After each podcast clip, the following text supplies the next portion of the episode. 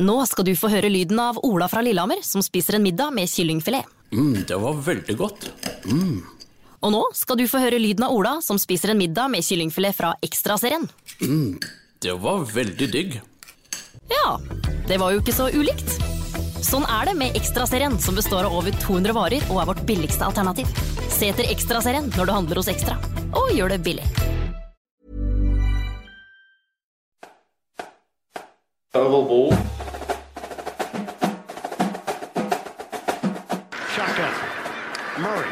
Out of the pocket. Seven seconds. Six seconds. Murray heaves it downfield. It is. Oh, it's caught. It is caught. DeAndre Hopkins. Miraculous. play in the NFL. I think I play in the NFL. I think I play in the NFL.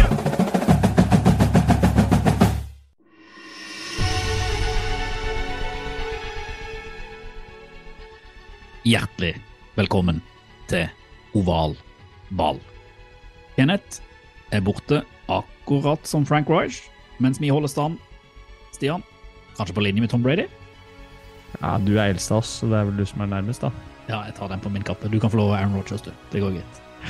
Etter en vill uke med fotball, så må vi rett og slett spørre når var NFL sist så jevn? Vi skal hente fram alle rundens godbiter i topp tre, og i motsetning til Colts så henter vi inn den mest erfarne og anerkjente til å erstatte Kenneth, nemlig vår egen guru, Sander Daling. Eller eh, snappen går, football til folket. Football til folkegreier.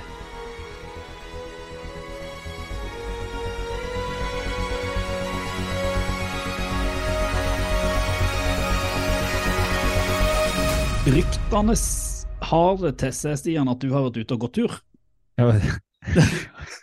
Gått tur eh, har jeg ikke. Men eller på jobb, vet du, Ja. så er det Hvis vi skal prate om hva jeg har gjort siden vi, vi satt sammen her for en uke siden, så mm, I dag, faktisk. Det må nevnes, for det er VM i kløneri. For jeg hadde mm, kanskje Altså, det er så flaut, det der. Fordi du Mange sånn kontorbygg, det er jo bare glassdører overalt. Så er det jo mange oh. som har sånne striper på, Sånn at du ikke som skal gå gjør på at du ikke skal gå på de. Mm. Og så er det noen dører som automatisk eh, står åpne, eh, vanligvis da, på dagtid. Eh, I dag jobba jeg litt lenger enn vanlig, så at jeg var på jobb til sånn halv fem eller noe, og de, de dørene som er åpne automatisk, de stenger seg sjøl nja, fire-tiden, halv fire, fire.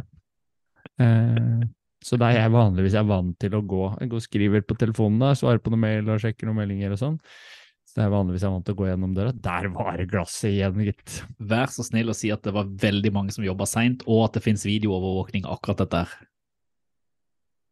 Det er heldigvis gjemt i en krok, men det var Ah. nok at det var sånn at jeg måtte tenke meg om. Var det noen som så dette her? Det, hvor flaut var det? Så var det vondt, vet du. Kul i huet og skikkelig smell på kne, faktisk. Jeg, Jeg ser du er litt sånn rød på, på panna her. Med Ja, ja, det stemmer. Ja, ja, ja. Ordentlig, tatt en ordentlig smell. Liten Donald-kul. Så det var kjempeflaut, da. Men uh, det var bare flaut innvendig. Jeg hadde ikke trengt å nevne det, ingen hadde visst om det hvis ikke jeg sa det her, men, men det er uh, Jeg prata med en kollega som, som har jobba der en stund, som sa jeg har fortsatt ikke gått på en dør her, og det er jo ganske utrolig. Det snakka vi om forrige uke. Så da måtte du teste det ut. Selvfølgelig. Ja, ja. Um, men ellers så har jeg faktisk eh, klart å lande hva vi skal gjøre på thanksgiving. Det blir gøy. Det blir veldig sånn privat eh, watchparty i år. Ja, det, gjør det. det, er ikke på. åpent for alle, dessverre. Dessverre. Vi får komme sterkere tilbake, men nå var det litt sånn familiære ting som, eh, som tok over. Men det gjør i hvert fall at du og jeg, Ja. Og kanskje Kenneth. og kanskje Kenneth, Kanskje og kanskje noen flere òg, Ja. Skal vi se, skal se med ja, Mine barn ble overlykkelige da de fikk høre at vi kunne se det hjemme hos oss på, på storskjermen der. ja, men det ble jeg òg. For da kan jeg sende, sende familien hjem etterpå, og så kan jeg komme tilbake og se på storskjerm. Så det blir, det blir stas. Så må vi spise spise? god mat og Ja, ja, ja. Mm. Se ball sammen med ungene dine. Det er jo start- det er jo liksom så deilig med tegnskriving. Det starter jo halv syv, så det er jo perfekt tidspunkt for eh, oss her oppe i eh, det kalde nord, nå som det regner og blåser og er dritt. Nydelig. Hva har du gjort siden sist, da? Jeg har, for det første, og dette må jeg bare sånn det er kanskje den eneste gang jeg kommer til å si det denne sesongen, men jeg har tippa riktig. Vi holder jo på å tippe hver eh, Du gjorde det jo første runde, da vant jo alle yep. Sine matcher, og da fikk vi den inn. Og så har ikke jeg tippa riktig eh, siden. Jeg er veldig sånn Panthers i uh, tipping. Uh, men denne gangen altså greide jeg å hanke inn at Vikings skulle vinne. Det var så vidt, det òg. Det kommer vi sikkert tilbake til. Men da var det selvfølgelig Kenneth, tippekongen vår, som uh, svikta totalt. Og vi taper jo. Vi gir Norsk Tipping mye penger. Det skal vi ha. Dette er ikke reklame engang. Det er rett og slett bare noe vi, vi sender inn i fellesskapets kasse.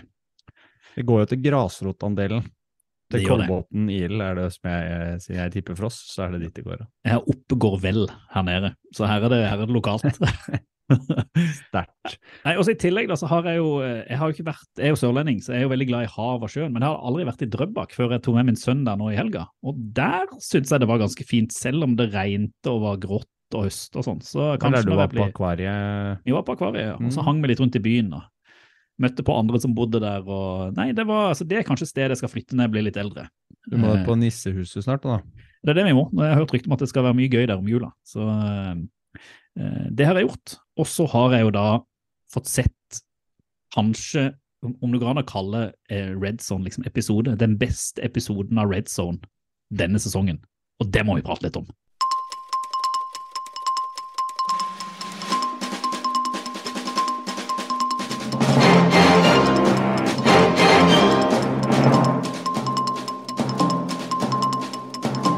Skryter jo du veldig av det Red Zone-vinduet, Reier, så det er jo på sin plass at du skal få starte med den kampen du plukka ut. Nå plukka du riktig på tippinga, plukka du også riktig kamp, følte du eller? Altså, jeg kan jo egentlig ikke tippe, men det, og dette har jeg sagt mange ganger, men jeg syns folket der ute skal stole på meg når jeg velger kamper de bør se. For der føler jeg å treffe skal jeg ikke si overraskende godt, for jeg, liksom, jeg, jeg vet hva jeg driver på med akkurat der. Mm -hmm. uh, og jeg valgte jo sist. Sist altså jeg valgte den, siden- altså det, det og Kenneth vil velge først. Og så plukka jeg kanskje en kamp som i utgangspunktet man var litt usikker på egentlig ville være severdig. For det, i utgangspunktet så har dette tidligere vært sånne ordentlige blowout-kamper. Og det var jo da Lions hjemme mot Packers eh, jeg valgte ut. Men det hadde jeg sånn derre Jeg satt jo med et lite håp forrige helg om at det skulle bli jevnere enn man trodde. At, eh, som mange har sagt, at dette her er det nærmeste Lions kom en Superbowl, når de møter Packers hjemme og har hatt den sesongstarten de har hatt. Mm. Uh, og jeg kan vel si at det ble enda bedre enn jeg kunne tro, den kampen der. Det ble en helt fantastisk kamp å følge med på, og å sitte og følge med denne her under red zone, sammen med veldig mange andre kamper som var gode, som vi kommer tilbake til. Uh, og det var jo sånn, det er jo litt sånn når man eh, dette kjenner du, ikke sant? man har barn og sånn hjemme, så er det ikke alltid du får satt deg ned og se red zone når det starter. Ja, nå funka jo Red Zone da det skulle òg. Ja, det, det var viktig for det første, at du slapp å vente halvannen på at Mhm. GamePass var nede. Uh, så jeg, jeg kom meg vel ikke inn i Red Zone før nærmere halv åtte. Og allerede da, uh, det måtte jeg se igjen etterpå, da, så hadde vel Rogers kasta to interceptions i Red Zone hos Lions. Det har han aldri gjort før. Nei, ikke sant? Og dette her var vel i første omgang. Uh, og så går det litt fram og tilbake. Eh, Packers får det ikke til eh, offensivt. Lions skaper ikke sånn egentlig så voldsomt mye offensivt de heller med det eh, offensive laget de har, men de tar nå ledelsen, ikke sant? Og så ruller det litt sånn fram og tilbake, og så skal liksom Packers fram og ta over den ledelsen, så kaster Rogers enda en int. Eh, ja, det, altså det var, han hadde vel tre ints i den kampen totalt, han ikke det? Og han har eh, vanligvis sånn tre-fire i sesongen. Jeg tror hun har sju til sammen denne sesongen her allerede. Ja, det, Så satt han jo på var det, Pat McAfee igjen forrige uke, hvor han satt og snakka ned de andre, og at han måtte liksom gjøre alt. Ja, ja, ja. Og altså, kampen ble, ble jo bare sånn eh, Lions greide å komme seg, komme seg frampå. Eh, Packers prøvde å komme, komme seg komme seg inn, men fikk liksom, fikk liksom ikke hei, helt til. Eh, og Detroit, det liksom jeg sitter igjen med Ja, det kan jeg, altså, jeg kan ta det etterpå. Det, liksom, det er to ting jeg sitter igjen med. Det ene er helt på slutten, hvor du da tenker at nå skal Rogers kjøre en sånn game-winning drive. Mm. Og så kommer de seg, kommer de seg framover, og så greier de liksom å eh, få en fourth and two. Men så mottakeren, husker jeg ikke hvem det var, fømler ballen. Eh, og så ser det ut da som om Lions tar han over. Og så blir det sånn her vanvittig booth review-bonanza, hvor eh, man må se da på hva han utenfor, hva han innenfor, og så får de den fourth and two allikevel, eh, Packers. Men så kaster de bort ballen, og så eh, eh, taper de jo da med seks poeng. Så hadde de tatt en touchdown der, så hadde de vunnet den, den kampen. Eh, og dette laget som altså Lions har vel vært blant de beste offensive lagene og det desidert dårligste defensive laget så langt i sesongen. Definitivt. Packers skårer ni poeng i kampen. Og dette er da Aaron Rodgers som i fjor var MVP. Det forsvaret, altså det Lions møter opp med eh, forsvarsmessig, om det er bare denne kampen, det er noe helt annet enn man har sett i hele den sesongen. Og det var Forsvaret som vant kampen, og jeg tror det må liksom være det, kanskje det største bare for Dan Campbell òg, at de gjør det ikke sånn kjempegodt offensivt. 15 poeng syns jeg ikke er så mye å skryte av, selv mot et Packers-lag. Men å ikke slippe til mer enn ni poeng på hjemmebane mot Aaron Rodgers og Packers, som har høvla over det de siste ti årene, kjempeimponerende det de får til bakover der. Eh, og litt flaks, selvfølgelig, men eh, dritgøy å se at Lions endelig lykkes. Og så er det et poeng som Rogers var inne på i, i nevnte show, tror jeg det var, et intervju før, uh, før helgen nå. Um, de skulle på en måte ikke slutte å spille det spillet de var vant med, da. Uh, og kaste langt, og det gjør de jo ved flere tilfeller, men de lykkes ikke med, med langkast og, og dype, dype, løp. Løpespillet får de ikke i gang. Aaron Jones ble skada. Romy Dubs ble skada. Sarah Alexander ble skada. Så de, de går jo liksom på smell på smell, og det er tydelig at det ikke er Packers sin sesong.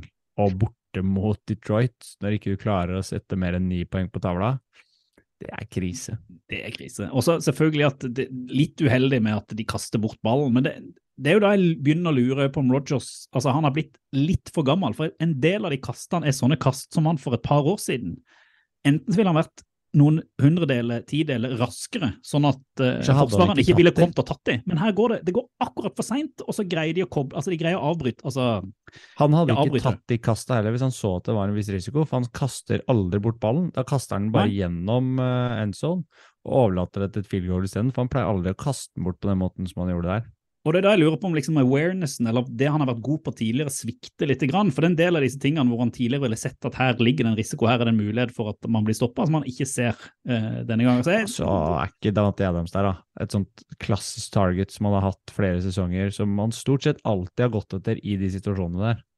Ja, det er sant det, men jeg, akkurat her vil jeg jo si at Tidligere har Rogers klaga på lagkameratene og på at han har ikke hatt receiver og sånn, men her syns jeg han rett og slett må ta mye på sin egen kappe. For her uh, er det han som gjør feilene, ikke, ikke laget.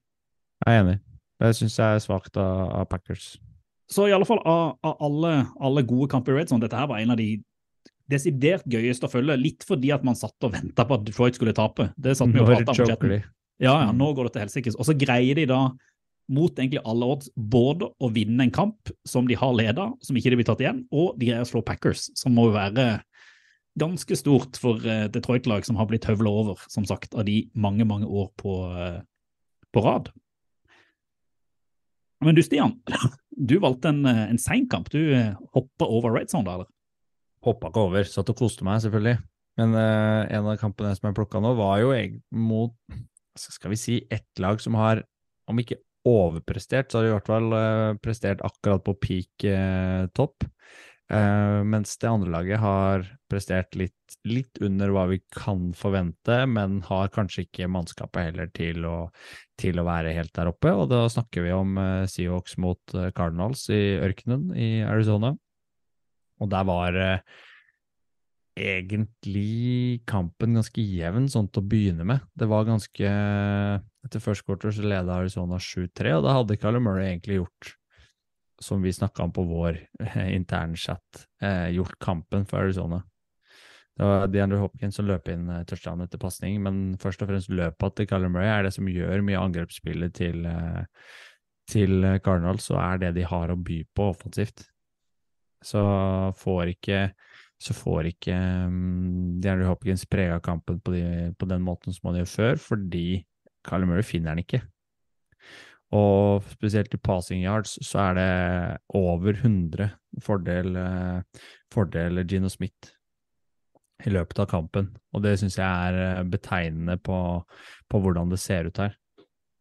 Eh, jeg tenker også på Jeg tenker også på Gino Smith som åpenbart har både marginer og som gjør hva skal vi si, sitt livs sesong. Ja, det er helt Altså, han er jo oppe i MVP.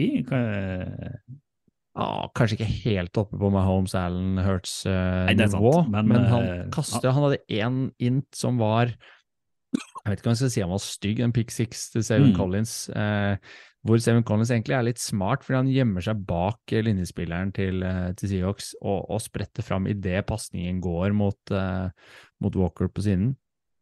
Altså, han, er jo, han er jo litt heldig at ikke det får noe betydning, for de vinner jo ganske klart uansett. Så, sånn sett så Han blir jo redda både av at han har, de har altså, et overraskende godt forsvar. Det er jo en del rookies der òg som leverer på høyt nivå. Eh, Nettopp. Beklager. Det Altså, er jo på en måte Met- Metcalf tilbake, leverer eh, godt. Eh, Terry Lockett har et par bra plays. Og, og Kenneth Walker, ikke minst, da, ser jo ut som en solid running back. Kanskje uten egentlig noen å sammenligne med også. Han eh, hørte, jeg husker ikke hvem det var, men som sammenligna med Levion Bell, som var ganske flink til å, til å spotte luker og holde igjen løpet. Eh, Kenneth Walker har tendens til å gjøre noe av det, men også ganske tøff i hodet på et par av de løpa og et par av de lukene han går på. Den siste touchen som han løper inn, så blir han jo først meia ned, men han står på en måte imot og, å blir pusha inn i, i sånn, og er vel den avgjørende siste touchen til, til eh, blir det? Eh, Seahawks også. Ja. Men han, han, er vel opp, oppe og lukter på en offensive rookie of the year, sånn som han spiller nå, Kenneth Walker. Ja, jeg tenker han er i hvert fall blant de som man må nevne i contention. Eh, og han er, han er viktig. Han hadde jo over 100 yards. Han hadde 26 carries. Da. Noen ganger eh, løper han kort og blir tatt, og andre ganger så, så ser du at han er litt urutinert på, på akkurat det. Mens han samtidig har de lyspunktene og har åpenbart talent. Da. Mm. Og det løpespillet til eh, Cardinals er det Callum Murray som står for, og er det egentlig hele angrepet alene. Han får veldig lite hjelp, og, og det er vel det jeg sitter igjen med etter, eh, etter kampen. Blir ikke noe klokere på Cardinals, men, men Seahawks befester seg som et av de, et av de eh, bedre laga i sin divisjon. De leder vel også.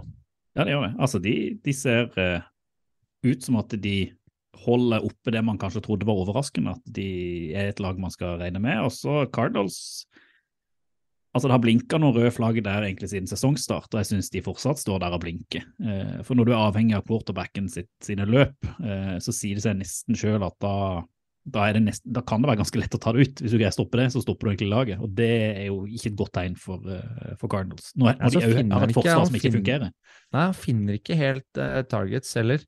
Og Rondell Moore er vel den som har mest på receiving, men han har ikke mer enn liksom 70 yards på åtte, åtte mottak.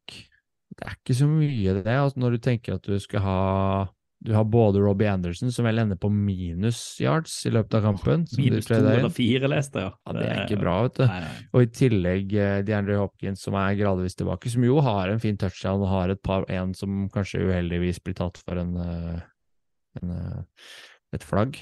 Mm. Så jeg syns samtidig at det her eh, burde være muligheter å, å heve for Seahawks sin del. De har jo et ganske greit offens i alle fall, og Forsvaret sliter jo stort sett regner med du mente, bare sånn at man eh, Mm. Du sa, du sa Seahawks, Ja, ja, men jeg jeg mente Cardinals, Cardinals. Mm. ja, De har jo et greit offens på papiret, men jeg ser på en måte ikke helt hvordan de skal klare å komme ut av den gropa her nå, hvis ikke de har noe har en eh, ekstra playbook, da. Nei, altså jeg er helt enig. Det, jeg hadde jo, det var gøy med Cardinals i fjor. Den halve sesongen de var gode, og så har alt bare egentlig falt i fisk siden. Ja, det har rast litt. Mm, Og den kampen her kunne jo vært en sånn, om ikke en statement, så i hvert fall en mulighet til å snu kjerringa, Mm. og det klarer de ikke. Kjerringa ble liggende på jeg vet ikke om det er magen eller ryggen. Jeg skal ikke gå Ja, for, hva foretrekker du? Nei, det, det kan vi holde privat. Eh, vi skal ikke prate så mye, da, men Kenneth han valgte jo eh, egentlig rundens toppkamp. Eh, Han gjorde det? eh, Titans mot eh, Chiefs. Altså, og det gikk vel som han trodde. Eh, ikke, hva, hva, hva tenker du man skal, hva har du lyst til å trekke fram der, hvis du skal få lov å være Kenneth, sier han. Vi må jo si noen ord om den kampen òg, tenker jeg, siden han ble plukka ut. Ja. Eh, Tennessee forsvar, og at, det, at Ryan Tanner ikke spilte, gjorde at uh, Chiefs uh, vant. Ja. Det er, det er det jeg vil trekke fram først og fremst, men også Patrick Mahomes, som gjør akkurat det quarterbacken i det laget skal gjøre. Han er flink til å Nå var det beina han brukte mest. Mm. Når det åpner seg, så, eh, så springer han. Ja, og så er det jo betegnende, de hadde possession over 40 minutter, Chiefs.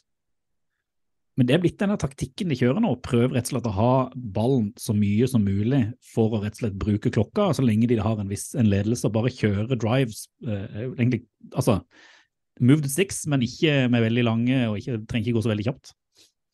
Nei, men det, du kan jo tenke deg, hvis du sammenligner bak quarterback-spillet, da, så har Malik Willis eh, Eller Patrick Mahomes kan vi begynne med, da, for å holde det litt spennende. Han Ja. har Mahomes 446 yards eh, på 43 eller 68 forsøk, og han klarer 43 av de. Mm. Malik Willis han kaster for 80 yards. På Han skal ikke kaste 16 forsøk så treffer han på 5. Ja, ikke sant. De har, ikke, de har bare lagt opp til at han skal gi han til Derrick Henry, så skal det løpes. Nå sitter du der og moller deg i eh, Henry. Henry Han har to, to nylige touchdowns som han løper inn, og har et par plays til som er superviktig fordi eh, når det begynner å dra seg til. Men det står 17-17 til full tid, og det er jo egentlig rutinerte Mahomes som drar det i land, da. Mm. På, i overtime. Så det ble jevnere enn man trodde, men de henta det inn til, til slutt. Ja, altså, Det- det Tennessee leder jo sin divisjon ganske klart. De står på 5-3, mens uh, nestemann på, på lista er uh, Colts på 3-5. Det er ikke verdens tøffeste divisjon. De er. Det er. ikke det. Så hvis Tennessee fortsetter litt sånn her, så kommer de garantert til å vinne den divisjonen. Ja, ja. Og så går det vel på et sluttspilltap mot Chiefs igjen eh, i januar, tror du ikke det? Ja, det skal du ikke se bort ifra. Det, hvis ikke Tannehill er i kjempeform og forsvar, for forsvar til, til, til Tennessee, det skal du ikke kimse av. De, er- de er gode når du holder Chiefs til 17 i, i ordinære spill. Mm. Men den nevnte Colts, det har skjedd litt der òg? Ja, der fikk vi vel vite om det var i går, var det det? Altså Nå er det tirsdag. eh, At eh, Frank Reich rett og slett bare er sparka ut. De er ferdig. De orker ikke Jim Irsay, han heter han eieren. Han eh, var ute på Twitter sjøl og tvitra ut at de takka Reich. Eh, og så har de da ansatt en tidligere helt, eh, Jeff Saturday, som interim head coach. Og det syns jo jeg er ganske interessant, for det er jo en mann som ikke har noe erfaring, og det finnes ganske mange i, i, rundt omkring i den ligaen som har inkludert internt i Colts, som har mer erfaring. Så jeg er jo veldig spent på hvor, hvordan dette her går. Ja, jeg vet for lite om, om Saturday til å si hvordan det her går og hva slags eh, bakgrunn han har, men uh, Reich uh, var vel nå inne, gikk på sitt tredje tap. Har slitt på quarterback med noen signeringer og har ikke fått laget til å funke i det hele tatt. Det var vel bare et spørsmål om tid før det kom til å gå gærent der. Ja, altså Offensivt har det jo vært altså, fullstendig krise. Er det han Sam, Sam Ellinger han het, eller hva? Altså, han, hadde, han, vel, han hadde vel ikke noen completion nesten etter tre kvart. Altså, det var helt sånn ville, ville tall her når de møtte, møtte Patriots. Nei, altså han har spilt faktisk i Packers da, eh, Saturday, når man sjekker han opp da. Ja, ja. Eh, og jobba som analytiker for ISBN og eh, hatt noe konsultjobbing for, for eh, Colts fra før. Så han er vel sikkert kjent i miljøet, antar jeg, med hva slags fotball han står for, og hvordan han skal klare å snu den Colts-gutta, som ser relativt lekk ut. Jeg, vet ikke om det hjelper denne sesongen her, og de planlegger vel eh, for noe lengre og har sikkert eh, ideer om hvor de skal hen med neste sesong, da, for denne sesongen her begynner å bli ferdig. Vi er halvspilt, Reir. Ferdig. Ja, altså de har jo hatt, de har altfor mange seire, og de har vel to eller tre. Altså, så, og de er jo en divisjon hvor de kanskje får et par til pga. at divisjonen er så, er så dårlig, men her tror jeg nesten det blir sånn total rebuild. Og så må de jo Jeg tror Colts må, må bygge et offensiv rundt en quarterback som skal være der mer enn ett år. Nå er det vel tredje eller fjerde året hvor det er liksom en ny quarterback. og Jeg kan, jeg kan forstå at det er rett og slett vanskelig da å bygge noe fast eh, med at du Ja, så har du hadde skade på Jonathan Taylor, som er viktig, og som egentlig aldri har kommet i gang denne sesongen. Jeg bare sitter og tenker? Du, har, du hadde jo Andrew Luck. Han skulle jo være gull. Nå har vi jo vi har prata mye om den dokumentaren som The Athletic hadde, den vil jo alle, alle bør høre den podden, for da får du liksom innblikk i, i uh, egentlig hvordan han jo bare overraska hele Colts med å legge opp. Og så kom vel Brissett inn og var vel vikaren for han da han var skada. Så Ja. la han opp, og så henta de inn eh, Philip Rivers ett år. Henta inn Car- Carson Went ett år, og så har de nå Matt Ryan.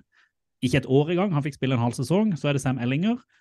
Og så kommer det helt sikkert en ny quarterback til neste år. Og da jeg tenker at eh, Colts er vel et av de lagene som kanskje kommer til å se høyt høyt opp i draften. Det må vi jo spørre Sander om da, når han kommer senere. Eh, om kanskje de er et av de lagene som virkelig kommer til å gå for en franchise eh, hvis det finnes da i, i neste års draft. Vi bør ikke snakke så mye om Colts til Sander, tenker jeg, fordi Kenneth og jeg gikk jo all in på, på Colts offense eh, på Fantasy-ligaen, som vi er med i sammen med Sander. Så da får vi sikkert tyne at det er der. Det siste vi må, vi må feire litt, da. Eh, for jeg sier at vi holder stand. Vi skrøt at det var vi som var Tom Brady, da, og det stemmer vi ikke. Men Tom Brady nådde jo en milepæl som er helt syk i, i helga. Han har kasta 100 000 yards. Yards, ja. Ja, 9,1 mil var vel det noen sånne norske eh, målenheter. Og hvem tok imot? Det husker. Husker du? Nei. Nei, men Leonard Fournette. Leonard Fournette. Ja, ja, ja, selvfølgelig var det. Mm. Lenny Boy tok imot den. Boy. Og han vant jo òg, det skal han ha. Det var jo eh, eh, i det minste lite positivt for en hva, hva sier de, nyskilt Brady? Det lå jo noen statistikk ute at undefeated since uh, the, the, The separation, divorce, eller ja. Så Han, eh, han brukte 374 kamper på å nå 100 000 yards. Det er sykt. For det dere der er ute som gode i matte, så kan dere tenke deg på den på statistikken. Ja, neste på lista, hvis du vil ha det, da.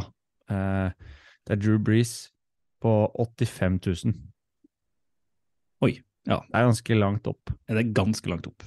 Og av de som kanskje klarer å ta den igjen nå Spørs hvor lenge Rogers har tenkt å holde på, da. Men han ligger liksom på 63 000. Så har du Stafford på 54.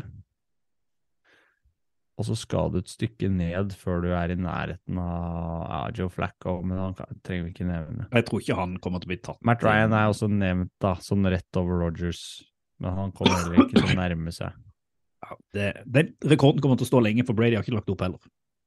Nei, han kommer litt rekke opp. Nå så jeg at han var linka til 49ers nå i uh, midtuka her. Han kommer til å, være, han kommer til å leve evig. Han gjør nok det. Topp tre. Tre topp. Pott tre. Opp tre. Topp tre. Oval vals, topp tre. Vi har bytta rolle, vi, her, for jeg tenkte jeg skulle introdusere den her òg. Jeg liker det. jeg liker det. Kenneth eh, Nå har han nok kutta helt ut.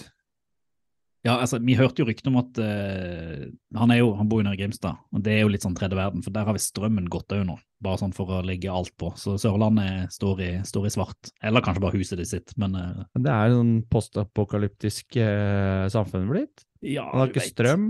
Han har sikkert ikke innlagt vannet lenger heller. Sjuke unger. Kone som har forlatt den. Bare for kvelden, kanskje. Kanskje bare eh, for kvelden. Det er iallfall det, er- det er altså vanlig dag i Kenneth Carlsen sitt liv, med andre ord. Ja, Så dere får ikke noe klipp fra han eh, denne runden? Nope. Det var ikke noe lader til telefonen. Siden det var ikke strøm. Nei. Så da gjør vi det Da kjører jo vi vår topp tre, og så har vi kanskje noe sånne S i ermet mot slutten også, som, som må nevnes eh, i når Kenneth er borte. Så plukker vi selvfølgelig det fra honorable Kenneths mentions. Det kan ja, vi, det, kan vi det kan vi ha med. Mm. Men da kan du begynne med din tredjeplass, da.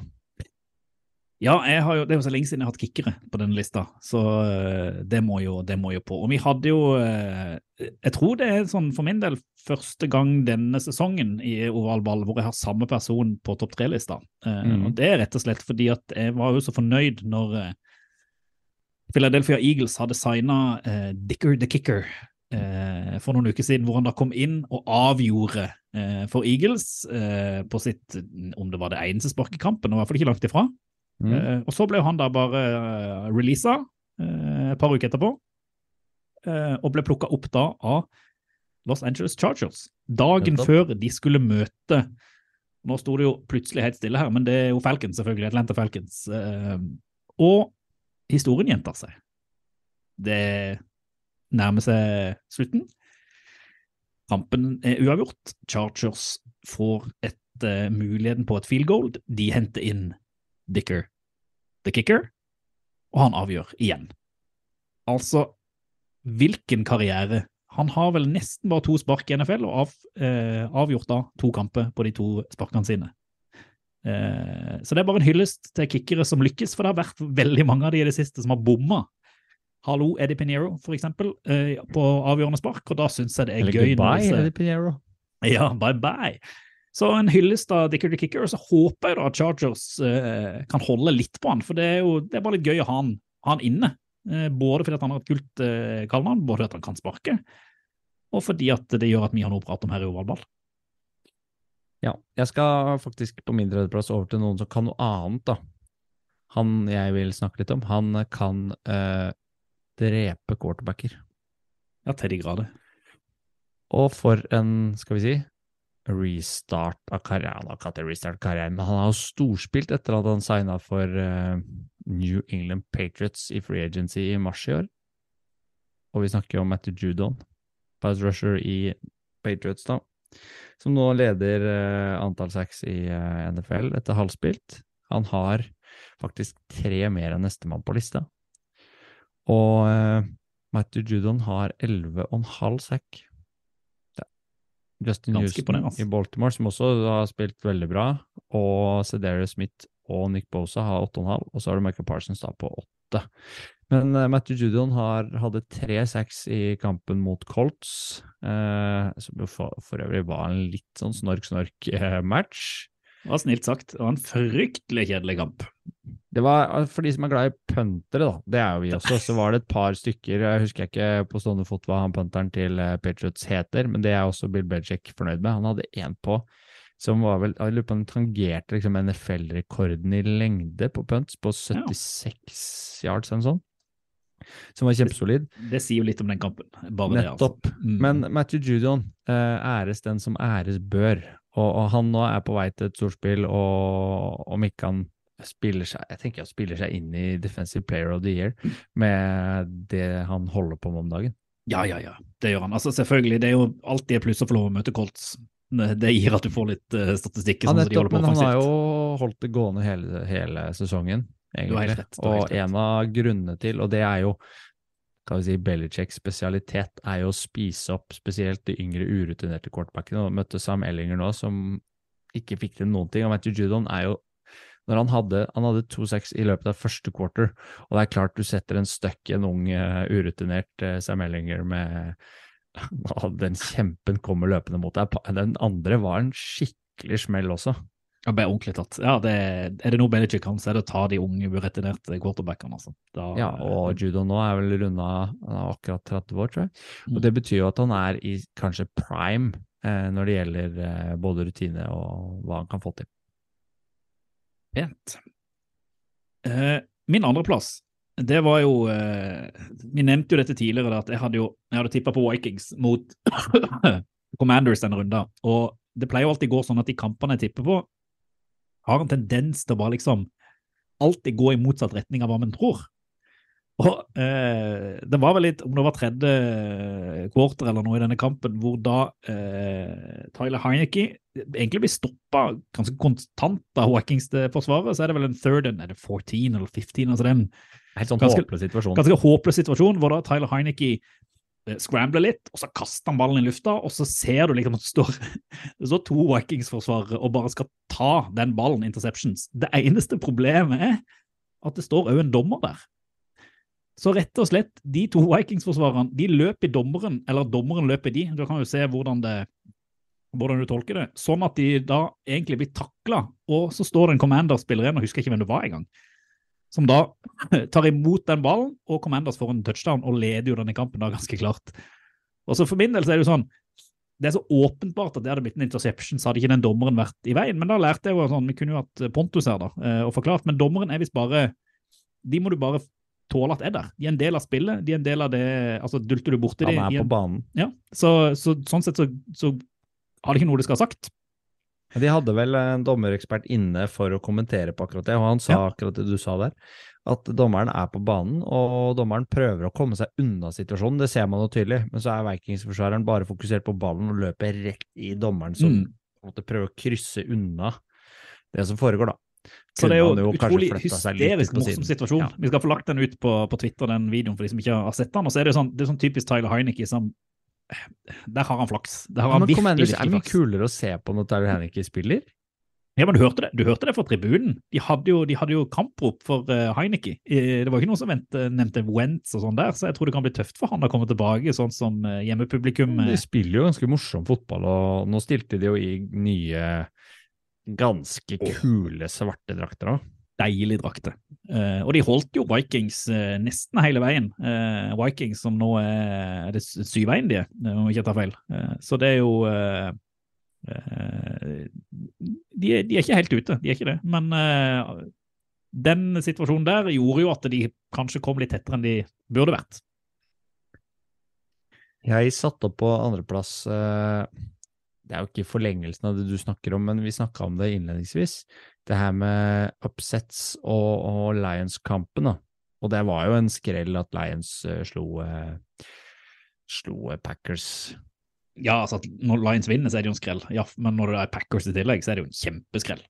Men det var en skrell til. Og Ja. de, Divisjonskamp, det liksom òg. ha med de, de underdogga, hvis vi skal kalle det det når, når Jets presterer sånn som de har gjort denne sesongen her. Men at de slår Buffalo Bills på den måten som de gjør også, så tenker jeg at det må opp i eh, ovalball, topp tre. Det er helt enig. Uten. Og Jets eh, har jo funnet en eh, ganske god erstatter, som vi har vært inne på før med Robinson, som erstatter for Brice Hall på running back, så de får egentlig til eh, det de trenger på løpespillet. Eh, Zack Wilson slutta å drite seg ut, sånn som han gjorde forrige uke, og traff stort sett på, på det viktigste av det han måtte, måtte få inn nå mot, uh, mot Bills. Altså, og i tillegg så har Hæ? Akkurat bare om Zack Wilson, for det er sånn interessant at det han gjorde denne kampen her, det var å spille på det helt, helt enkle og det plaine. Og så virker det som at de hadde bare sagt til han, du skal ikke holde den mannen lenger enn fire sekunder. Nei, men det er Så han, var- han, var- han kasta kjapt hele tida. Aldri noen eh, kjempelav risiko, liksom Mm. korte baller, men det gjør iallfall at du slipper å få det. Men tenk, I sånne matcher som det der, så har det jo vist seg at det ofte er den beste medisinen. da. Så Ja. har du jo solide Gareth Wilson, for eksempel, som spiller eh, en veldig god kamp. Greg DeLegg er på plass og gjør det han skal. Michael Carter våkner og hadde en eh, fin eh, rushing eh, touchdown. Og så er det jo NFLs egentlig forsvaret til, til Jets som leverer her. Ja, det er det. De er vel NFLs å- beste forsvar nå. Nesten. Altså sånn som de leverer, har levert eh, de siste Ja, det er vanskelig. Det er sånn week to week league, er det ikke det vi snakker om hele tiden? Mm. Og det er vel egentlig det vi er inne på her. Eh, men det er ikke sånn Skal vi si Bills er ikke noe spesielt overlegne verken på rushing eller passing yards, da. Rushing yards er faktisk Jets bedre, og så er uh, Josh Allen står for 50 mer enn Zack Wilson på, på passing. Men han har hatt to turnovers. Uh, Josh Allen har to interceptions. Litt ulikt han, så ut som han sleit litt med en albue der uh, i løpet av kampen også. Ja, Han ble jo takla på, på den siste der, hvor han da, du ser armen bli dratt bakover, og at han uh, Når han fumbler med- og de taper kampen. Ja, og så så ser er du det spesielt det siste playet som Buffalo har, så er du egentlig vant til at Josh Allen setter den siste pasningen. Mm. Og det gjorde han ikke nå. Nei, all ære til Jets, det må jeg bare si. Divisjonsoppgjør òg. Nå har jeg skjønt at de har en bye, og så skal de møte Patriots når de kommer tilbake ut av byen. Så der har de på nå har de to Superbowl etter hverandre nesten, med en liten pauseuke imellom. Ja, Bills står 6-2, mens Jets står 6-3. Ganske sykt. Ganske sykt. Ganske sykt. Men førsteplassen din, den er altså ganske syk. Ja, og beklager at jeg hoster. Liksom satt noe i halsen som ikke er don't- Jeg vet ikke hva det er for noe, men det er bare begynner sikkert å bli gammel. Covid, covid, covid. Nei, altså, min førsteplass eh, er vel det her liksom eh, Egentlig er det programmet Red Zone. Og Mm. litt sånn mer spe spesifikt det som da Scott Hansen kaller witching hour. Som er da den, liksom, den siste timen i Red Zone, hvor kampene står og faller. Wins become losses and uh, losses becomes wins, eh, som vel er slagordet. Og denne runden her følte jeg var bare sånn definisjonen på hvorfor Red Zone er verdens beste TV-program. Eh, og jeg vil liksom sånn trekke ut litt av grunnen at eh, det som skjedde den runden, det var at det var fire kamper, nå var en av de i seinvinduet, da, hvor alle kampene et par minutter før slutt sto 17-17. Dette her var liksom 17-17-runden. Av en eller annen grunn så endte alle jevne kamper opp, med et par unntak, i 17-17. Charger Falcons var det 17-17 rett før slutt. Jets Bills, som vi prater om, 17-17 rett før slutt. Commanders Vikings 17-17 rett før slutt. Og Titan Chiefs ble det jo 17-17 før overtime. Eh, og så får du da sant, i red zone, det smeller fram og tilbake. Hvor Vikings greier å avgjøre kampen, Jets greier å avgjøre kampen, uh, og Chargers, eh, Dicker Kicker, greier å avgjøre kampen. Ja, men det det Chargers Falcons-opplegget, når du har dobbel fumble og dommerkontroverser og Hva er det som skjer der? Ja, der var det, altså det var jo, Først var det en fumble offensivt, og så tar Falcons var det defensive lineman opp ballen, mister han mens han løper, for han er, han er for tung til å løpe. Fumbler Og det ser så rart ut, for han er jo Ja. ingen i nærheten av særlig, han bare mister den. Nei, det var helt, det var helt Og får tilbake eh, ballen, og så blir takla, og så er det ja. Så, eh, nei, og, og, men og det å sitte liksom og følge med på dette her på, på Red Zone, altså helt, helt, helt fantastisk. Eh, og så må jeg jo bare nevne, selv om jeg hadde lyst til å ha det på topp tre-lista òg, men sånn, hvis vi skal inn på nesten sånn honorable mentions, Mm. det er jo Kirk Cousins, som jeg kanskje ser på som en av de dølleste quarterbackene i NFL. Eh, men det dukker opp en video av Kirk Cousins på flyet hjem fra Washington. Eh, jeg vet ikke om du har sett den? Dessverre så er det. Ja, hvor han står med sølvkjede i baris og danser som en verdens største pimp. Og da tenker jeg, ja, da, han har jo hatt en lang historie med Commanders tidligere. Eh, var vel ikke sånn, jeg vet ikke hvor godt likte han var da, han var helt ok. Kommer tilbake, tar de på overtid, skjønner da at man feirer litt, eh, litt ekstra. Så litt sånn, litt kred til Cousins òg. Oppi alt dette red zone og fotballkjøret. Og jeg føler liksom etter denne runden her, altså nå føler jeg hele NFL er blitt nesten som bingoliga. Alle kan jo nesten slå alle nå.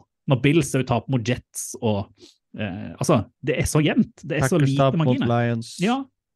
Altså, jeg kan ikke huske at NFL har vært så uforutsigbart eh, som det er denne sesongen her. Det har alltid vært Det er jo så mye Så få poeng, så mange avgjorte kamper på field goals. Det kommer sikkert ut noen statistikker på det, nå har ikke vi dypdykka ned i, ned i det kaninhullet, men eh, det ser jo ja, så er jevnere ut enn det er gjort på Du har liksom Philadelphia år. Som står i null, men du har liksom alltid hatt et par-tre lag som har vært fryktelig fryktelig dårlige, og et par-tre lag som har vært veldig gode. Og i år er det sånn Philadelphia tror jeg bare mener jeg står i 8-0, eh, fordi de har en enorm enkel schedule. Eh, alle de andre lagene har hatt en litt tøffere schedule og taper og vinner litt. Så kanskje Kanskje den jevneste NFL på de siste 50 årene. Tror det. Eh, men det gjør jo at Red Zone er så deilig å se på. Så Derfor må jeg bare trekke det frem igjen som eh, min førsteplass. Du, da? På toppen? Min, min førsteplass, det Mm. er egentlig vår førsteplass. Er vår Den er egentlig hele Ova Balls førsteplass. Mm. Og det vi ville hatt som førsteplass hvis vi hadde bestemt hvem eh, Jacksonville Jaguars skulle plukka som QB1 og first overall pick yep. i fjor på draften. Justin Fields, altså. Åh. Ah, de går på en smell, Chicago, mot Dolphins, men hva gjør vel det når fremtiden på quarterbackplass ser så lys ut som den gjør med Justin Fields bak spakene? Breakout game, breakout game. Han har jo vært i nærheten av det, og hatt, du har sett tendenser til hva han er i stand til å gjøre i løpespillet. Og nå setter han faktisk eh, rekord som eh, quarterback for hvor mange yards han løper. Han løp eh, er det 178 yards på 15 carries, og hadde løp også inn en touchdown. Og står vel i stor grad for offensivet og sørger for at det er kamp helt inn på Soldier Field. Ja, altså, helt, helt, Det å sitte og følge han den kampen der var helt fantastisk. Vi elsker jo Miami i, i ovalball, eh, og det offenset til Miami er jo kanskje det beste beste i ligaen. Eh, men Bears som har vært Jeg tror de, Så kjipe. de har vært det kjedeligste laget nesten vi har fulgt. Så får du feeds inn. Han hadde jo dette runet på 61 yards hvor han bare, han bare løper. Altså, det er, det er kanskje bare Lamar på sitt beste, og da sier jeg kanskje nå, som matcher det Fields driver på med når han Mm. er i den formen han er nå. Det er helt fantastisk å se på, og det må jo være så deilig for Bears-fans. Endelig ha noe sånn annet enn bare Forsvaret å glede seg over. At du har Jeg tror de helt fint svelger, eh, svelger det tapet mot uh, Miami der. Ja, ja, ja. Jeg tror ikke det gjør noe, egentlig. Jeg tror det er helt greit for de å, å ta det tapet, så lenge det ser ut som de kan konkurrere. Og det kan de med Altså, ja, stabil, nå har de en stabil kicker. Mm. De begynner å få Nå er jo Chase Claypool inne, og hadde vel et par targets på han òg, som uh, kan ligne på et decent samarbeid. Cole Kmet er en solid uh, spiller, og, og Darnell Mooney viste seg som en god receiver også. Han har jo vist det av og på, Mooney. Så de mangler vel kanskje noen brikker til, både i, både i linjespillet, noe i secondary, pluss kanskje et par våpen til offensivt i Chicago. Jeg skal ikke si at skal ikke hause det laget for høyt opp, men det ser så kult ut når Justin Fields kan gjøre det han gjør i kampen der, med så få våpen, og prestere såpass bra mot en av outsiderne kanskje i år, når de får det til å stemme i Miami Dolphins. Kanskje neste år, for de har vel òg den beste draft pick-rammen av alle lag nå, for de har jo trada en del og sitter jo med masse valg. Så jeg tror jo eh, Veldig spennende å følge med hva Chicago gjør i draften, og hvordan de bygger opp det laget til, til neste år. Ja, og så er det kanskje en fjerde i hatten til Eberflus også, som er litt ubeskrevet, og man er litt sånn usikker på hvor står en. Så kan det jo tyde på at han eh, veit hva han driver med, da. Jeg tror på, tror på Chicago på sikt.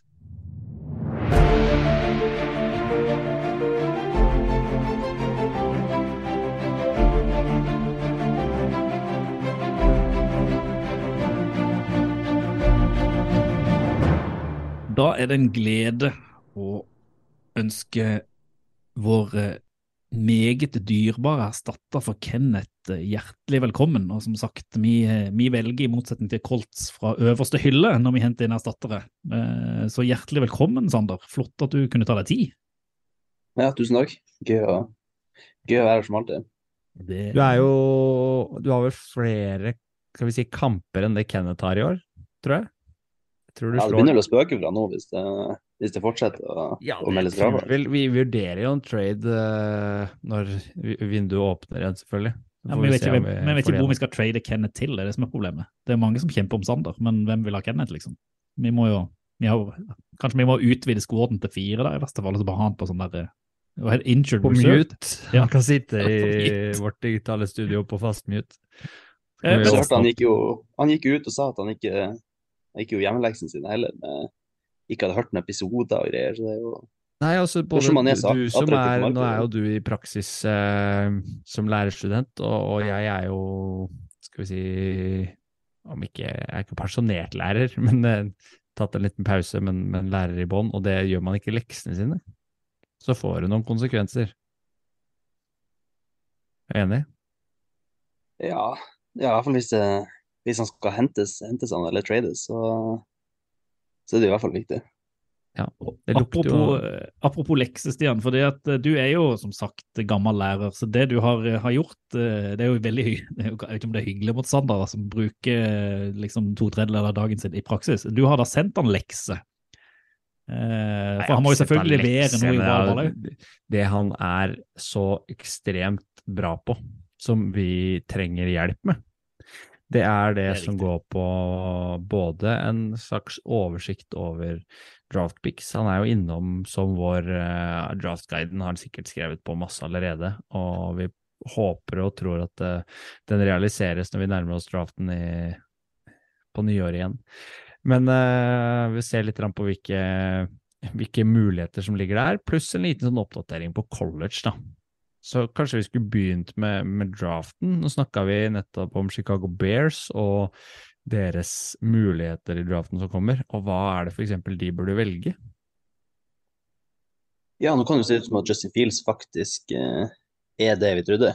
Mm -hmm. eh, så da begynner det jo plutselig å bli litt, eh, litt frihet, da. Eh, når den eh, draften kommer, de kan liksom se bort ifra se bort ifra quarterback. Så det kan bli veldig spennende å se hva de, hva de finner på der. Eh, nå er det jo både vi kan, vi kan, vel egentlig være enige om at Bears har mest mangler kanskje på offense. Mm. Eh, mm. Og både da offensive tackle og eh, wide receiver kan jo være noen veldig spennende navn.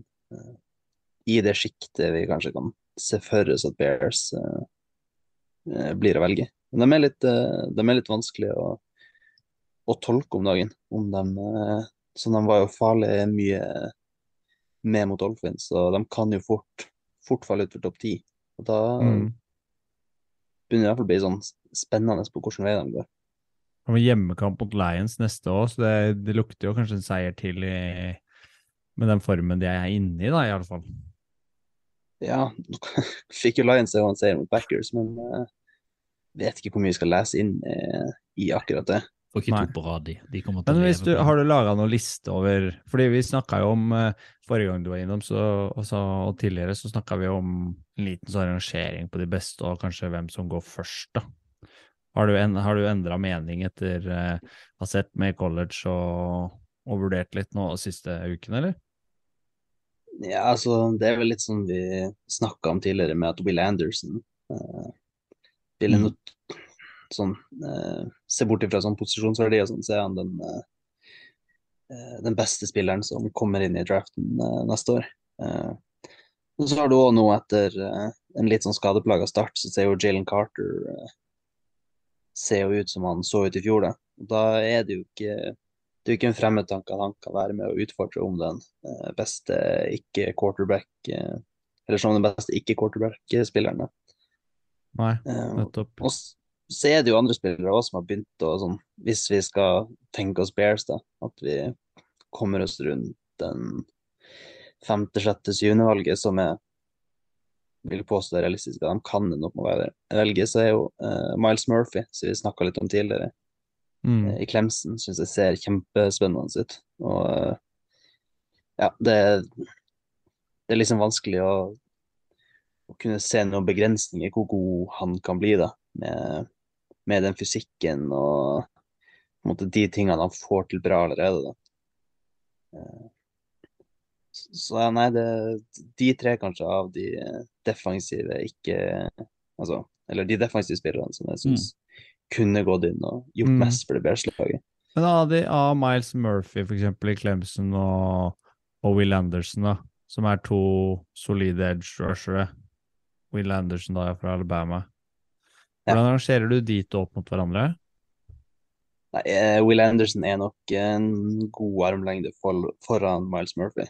Uh, jeg vil si litt sånn, hvis vi skal sammenligne fra tidligere, så er Will Anderson er nok oppi den klassen med Chase Young og Nick Bosa. eh, Mm. Som veldig sånn first overall uh, uh, ferdig, klar for NFL-type prospekter. Ja. Han er jo i tillegg ekstremt god å forsvare seg mot, uh, mot løpespillet, så han vil jo være kunne gå rett inn i NFL og på en måte dominere fra dag én, i likhet med de to. Mm. Mens Smiles Murphy er nok mer en type Trayvon Walker uh, uh, rusher, da. At uh, det er mer Vi drafter ham mer på bakgrunn av hva vi ser for oss han kan bli, enn hva han er nå. Ja, at det vil ta litt tid før det løsner, typisk. Trevor Walker har vært ganske bra, men han har jo ikke vært sånn outstanding eh, enda. Ja, nei, litt i samme gata. At det vil kunne ta tid, og ikke minst veldig god coach. Eller ikke veldig god, men god coaching for, å, for på en måte at han skal kunne leve opp til et eh, topp fem-valg. Mm. Vi, vi prata jo litt tidligere da om eh, Colts, og de har jo sparka Frank Reich nå. liksom, Noen spekulerer jo at de òg kjører en total, total rebuild. og, og Vi og Stian vi er jo ikke mye eksperter, da, men vi mener jo nå at de må, de må gå etter å bygge et offensiv rundt en quarterback. Eh, de kan ikke bytte ut quarterback hver eneste år. Eh, ser du noen mulighet for at Colts kan gå inn i draften her og finne den quarterbacken, eventuelt trade seg opp, eller tror du at det er at den quarterback-klassen som er nå, vi har nevnt noen av de tidligere, ikke er gode nok til å holde på et lag som, som Colts, som tidligere har sittet med Manning og, og Luck, som har liksom vært kanskje de to beste quarterbackene som har vært spådd ut av draften de siste ja, 20 årene, sånn iallfall før draften har, har eh, skjedd.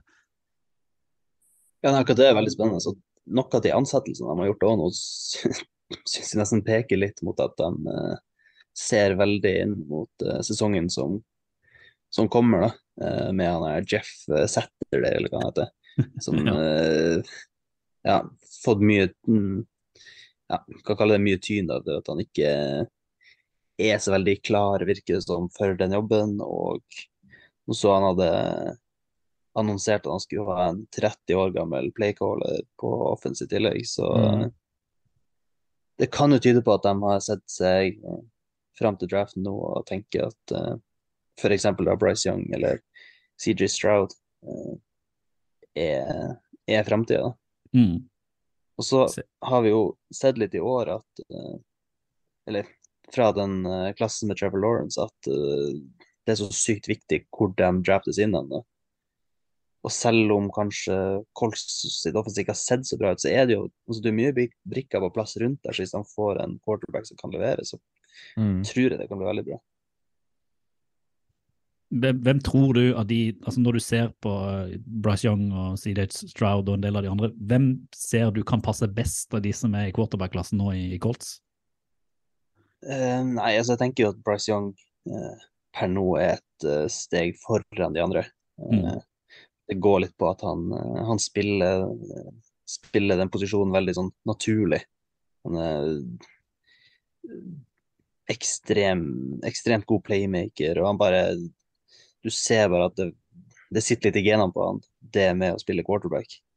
Eh, men Iris Stroud, som før sesongen kanskje var sett på som en sånn likeverdig prospect, har, eh, har slitt eh, tidvis denne sesongen. Da, spesielt når, måte, når ting ikke går etter planen og man er nødt til å, til å eh, gjøre plays. Da.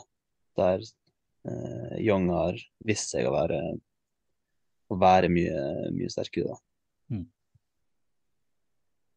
Tenker du om uh, wide receiver-klassen som kommer opp da? Hvordan vil du rangere den nå? Opp mot f.eks. årets, da, hvor det har vært ganske mange som har Chris Olavey, Gareth Wilson, eh, London, som jo hadde en smågodt mist av ball eh, nå runden som var.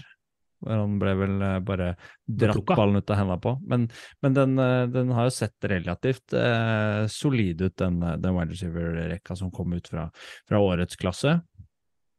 Ja, det var litt sånn før den draften som var nå, at man eh, Det var litt snakk i at den eh, wide receiver-klassen som kommer til neste år, da, skulle liksom være sterkere. og at det var liksom ikke vits å glede seg så mye til eh, de som kommer nå, for de som kommer i 2023, eh, er mye bedre. da. Eh, så har jo det slått helt eh, motsatt ut, at Olave og Wilson har bare skutt til værs med en gang. og mens eksempel da Jackson Smith og Jigba og Keishan Booth, som var på forhånd liksom de, de store navnene, har En har slitt med skade, og en har slitt med et offense som har ikke passa han så bra. da. Um, Hvem Men rangerer du som de tre beste liksom, i, i klassen som kommer, da? Nei, akkurat nå så vil jeg sånn Jeg tenker Jackson Smith og Jigba var så god i fjor at, uh, at han er skada mye i sesongen i år. Blir nok ikke å trekke han så mye ned, Nei. uh, for min del. Ja, han så Ohio? Hæ? Ja, Ohio State. Uh, så har en uh, Quentin Johnson heter han, uh, i TCU har uh, kanskje markert seg som liksom den, uh, den beste wide receiveren uh, denne høsten, i hvert fall. Mm. Eh, 6-4 høy og, og godt bygd, men eh, eks, ekstremt kvikk, eh, kvikk for størrelsen. Og ja, jeg anbefaler alle å gå, og- gå og sjekke han ut, for det er veldig morsomt å se han, eh, se han spille. Han tror jeg fort vi kan se gå, gå kjempehøyt. Mm. Hva med Jordan Addison i UC, da? Ja, han har jo også levert en god, uh, god høst i lag med Caleb Williams, som vi snakka litt om tidligere. Mm. Uh, litt mer uh, lik Jackson Smith enn Jigba. Liten, kanskje primært slått receiver. Veldig eksplosiv, han òg. Ja, ekstrem playmaker. Får ballen i hendene på han, så er det Det er veldig underholdende å se på. Det minner litt om sånn Tyreek Hill i måten de frigjør seg og De er jo ikke like raske, kanskje, men eh, de, de har litt den spillestilen, da. Ja, og han blir jo spennende å se hvordan han, eh, hvordan han tester til våren. da. Hvis det plutselig viser seg at han er like rask som han ser ut som, så er det jo Ja, se hva han liksom eh, klokker inn på, hvordan han tar nivået når han eventuelt kommer opp, ja. Og se hvor ekstrem han er. Der er det veldig betryggende at han har tatt nivået først i pit, og så på nytt igjen i USI. da. Mm. Så bare det er et kvalitetstegn, at, eh, Mm. at man ser han klarer det. Jeg lurer på, hvis, du, hvis du skal se på altså, nå, hele draften, så se, du ser jo litt hvordan det ligger an i NFL nå, eh, med Panthers og Texans og et par andre lag som ligger der nede og, og, og, og graver. Eh, tror det, altså, hva tror du det har å si for hvem som kommer til å bli plukka topp top ti? Eh, tror, tror du det har noe å si i det hele tatt, eller de, tror du de kommer til å velge de beste spillerne, eller om de er på utkikk etter noe? La oss si da om Panthers skal ha en QB, eller hva, hva Texans trenger. Eh, vil ha noe å si for hvordan draften sitt utvalg ser ut foreløpig, da? Har du noen tanker rundt det? Ja, jeg tror vi ser eh, Vi blir å se litt samme utfallet som i 2021, med at vi får en del eh, lag i, i toppen som er nesten litt avhengig av å skaffe seg en quarterback. Eh, dessverre så har f.eks. ikke Davis Mills tatt eh, Han har ikke spilt på samme nivå som han gjorde i fjor engang. Mm. Så jeg tror nok Texans vil jeg jo per dags dato si er noen sikker kandidat til å ta QB eh, der oppe. Og så har du jo Panthers som har lidd noe helt ekstremt av å ikke ha tatt eh, quarterback eh, tre år på rad. Eh, Baker var inne og kasta litt nå i helgen igjen. ja, etter kan man si bipolare to uker på PJ Walker. Ja, ja. Det var opp Så og sånn. Mile high og helt i dass er det som er. Altså, jeg sliter med å se at de må skal liksom tørre å gå én sesong til med, med bare usikkerhet på quarterback. Jeg vet ikke hva de skal trade inn heller, så alternativet blir jo fort å plukke i, i draften. da. Ja, hvis de fortsetter å spille som de gjør nå, så er vel de òg nesten uh, en safe bet på å sette topp fem, i hvert fall. Mm. Og så ser det ut at Lions f.eks. kommer til å droppe quarterback. De ser jo relativt fornøyde ut med Jared Goff. Ja, jeg tenker heller at altså, Lions sin plan har funka kjempebra. Eh, De er i ferd med å bygge alt rundt til at de nå kan eh, Og de har jo kapital til å kunne gå inn og trade seg helt opp for å ta Altså velge helt fritt hvordan quarterback de vil putte inn der. Mm. Og så har vel Mm. Eagles har ikke de sånn fjerde runde, eh, sånn fjerde valg? Ja, De har jo sent sitt valg etter Ja. Olave-traden, så det Akkurat som Altså, det står nå, så tror jeg de velger som nummer fire. Ja, det er vel noe sånt. Og Jeg tenker det er jo, det er jo de lagene som ja, Eagles og eh, Hvem flere man kan putte der, men Eagles i hvert fall. Steelers kanskje òg, som eh, tviler på at de vraker picket etter ett år. Mm. Kan jo fort sitte igjen med noen kjempevalg når eh, quarterbackene går litt for tidlig, kanskje. Ja, det er jo litt for tidlig å kanskje begynne med mock-kjøret. Jeg vet ikke om du er hevet deg på det ennå, men jeg kjørte, bare for jeg visste du kom, så kjørte jeg et par sånne mokker i, i lunsjen i dag. Litt sånn eh, simulatoropplegg, bare for å se åssen det falt ut. Og så jeg at i begge de jeg kjørte, f.eks.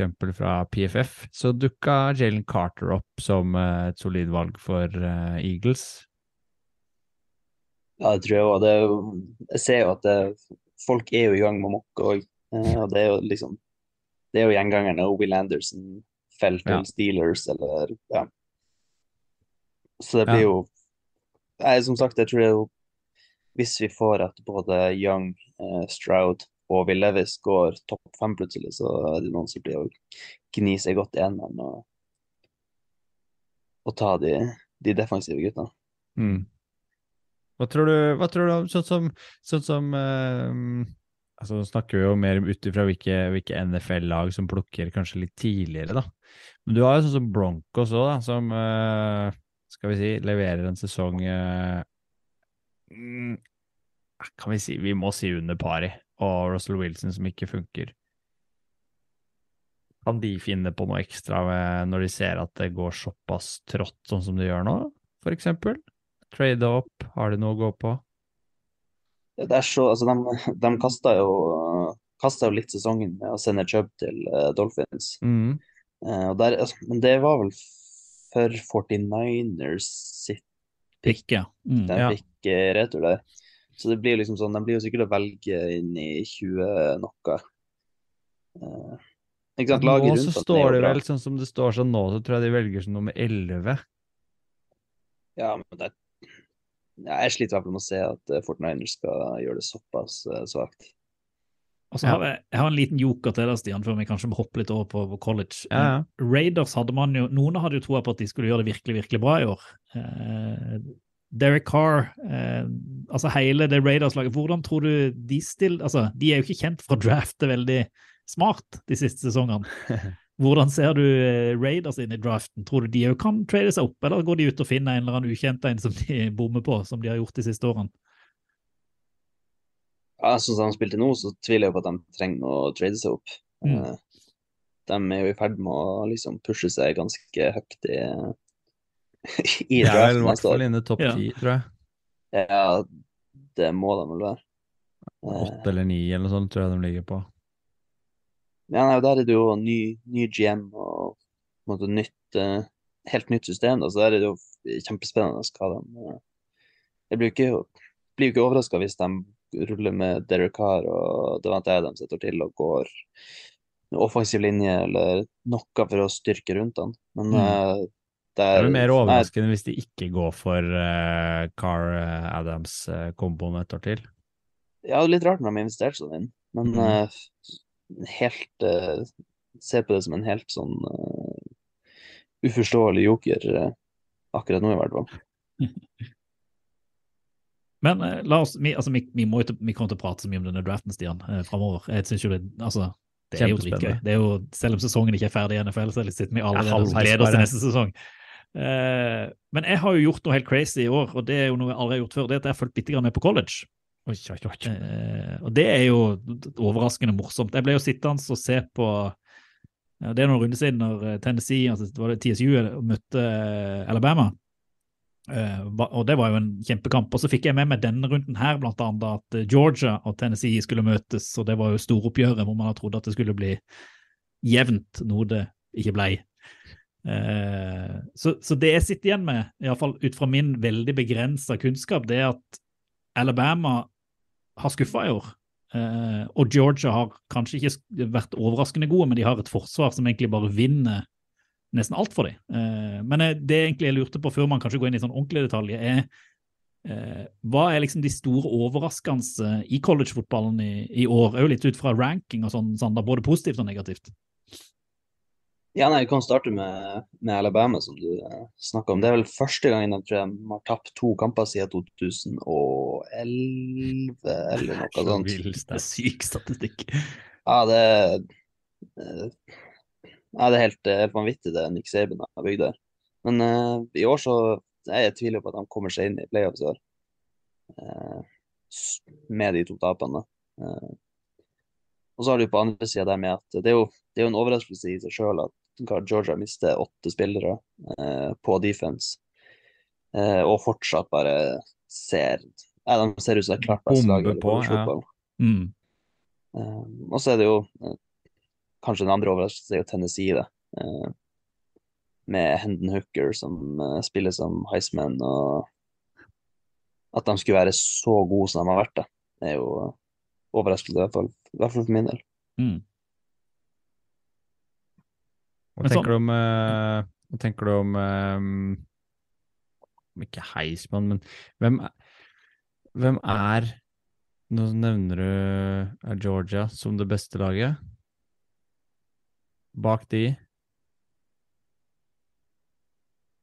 Det er vanskelig å si. altså sånn, Akkurat nå hvis, eh, så er det kanskje Ohio State som er, er nummer to der. Men uh, de har liksom ikke møtt noe spesielt med motstand. De slo riktignok Penn State for to uker siden. Ja. Uh, men uh, de møter jo Michigan etter hvert der, og den tviler jeg jo egentlig på at de Så jeg ser jo på Michigan som favorittene der. Så kanskje man kan si at Michigan er, foran dem igjen. Ja. Det er som Georgia, Ohio, Michigan, TCU, kanskje? Ja, de kommer jo litt sånn snikende. Ja. Eh, vil kanskje fortsatt holde, Tennessee over TCU, men eh, det er vel de to som eh, som er den fire-fem per dags Ja. Ja. Og Alabama liksom står på 7-2 etter ni matcher. Det er, eh, det er ikke hverdagskost for de, det. Nei, virkelig ikke. Hva med Hva med Nick Sabans jobb, da?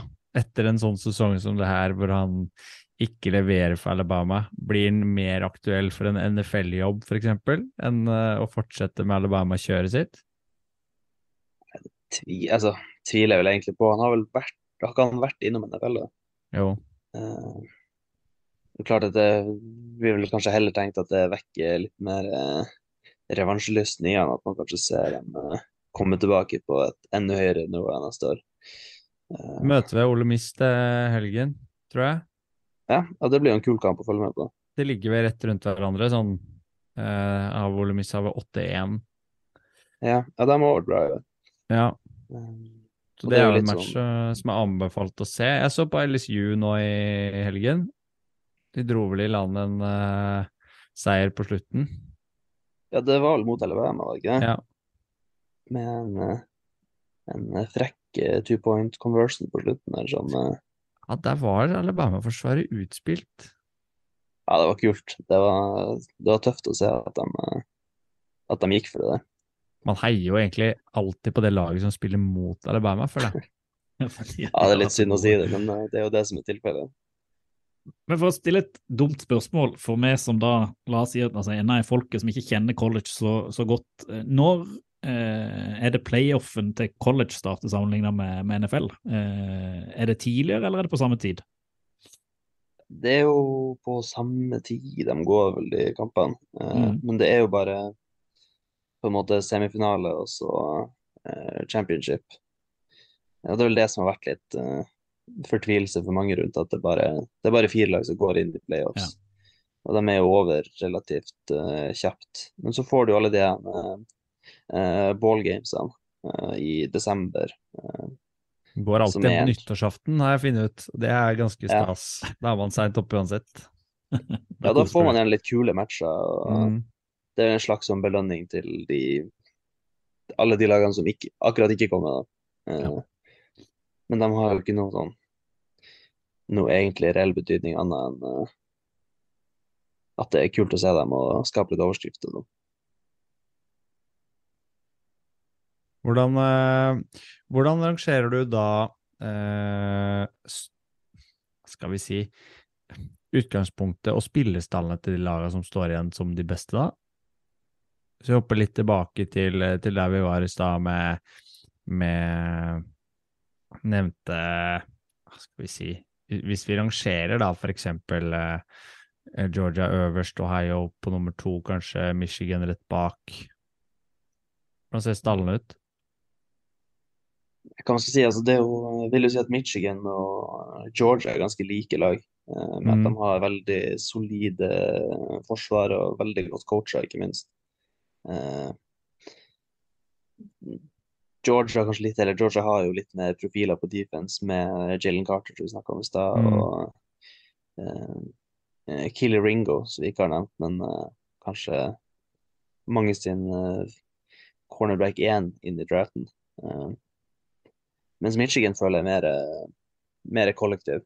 Eh, der er jo, vi nevnte jo tidligere vi om at eh, det er jo broren til Harbour som trener der. Ja. Mm. Det har jo sett uh, Ja, de ser, uh, ser så gode ut hver eneste match, egentlig. Uh, mens da Ohio State er jo mm, kanskje offense, eller er jo offense av de tre lagene, med Stroud og eh, Marvin Harrison og ordentlig slagkraft på, på offense, da. Og det, det er jo litt, eh, litt jokeren i, eh, i den playoffen at hvis det på en måte eh, eksploderer skikkelig der, så føler jeg jo at de må, må kunne regnes som favoritter. Mm. Men så Georgia-forsvaret nå mot er det Tennessee de hadde i helgen. Mm. De hadde, jeg tror, ja, de hadde seks quarterbacks, uh, quarterback sacks på, på Hendon Hooker der. Han fikk jo ikke fred til å spille i det hele tatt. Så jeg er frykter jo litt med et sånt forsvar, da, uansett hvem du Om offensivet ditt er bra, og du møter et sånt forsvar som egentlig presser og gjør det ekstremt ubehagelig å spille quarterback, da. ja, det er jo akkurat det, ikke sant? Tennessee sitt offense er jo Eller Tennessee sitt lag er nok mer sammenlignbart med Ohio State.